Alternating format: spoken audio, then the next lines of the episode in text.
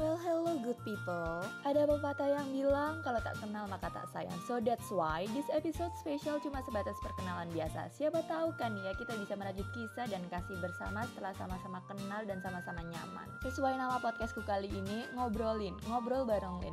Di sini aku cuma mau nemenin kalian ngobrolin apa aja buat nemenin kalian di hari-hari yang suntuk, gundah gulana pas diputusin pacar atau ketika kalian butuh teman untuk bercerita ataupun berbagi cerita satu sama lain. Bukankah semua hubungan itu berawal dari sebuah pertemanan? Sekali lagi, di sini aku cuma mau ngobrol sama kalian karena aku sendiri bukan siapa-siapa. Cuma mahasiswi yang hobi bercerita dan mencoba hal baru setiap ada kesempatan.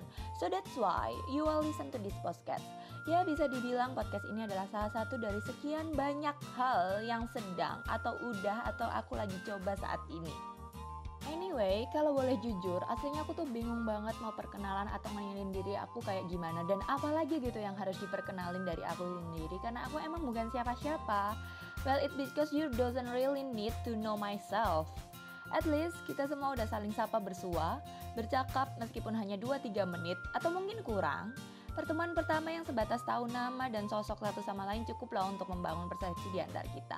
So, see you on another episode. Bye-bye!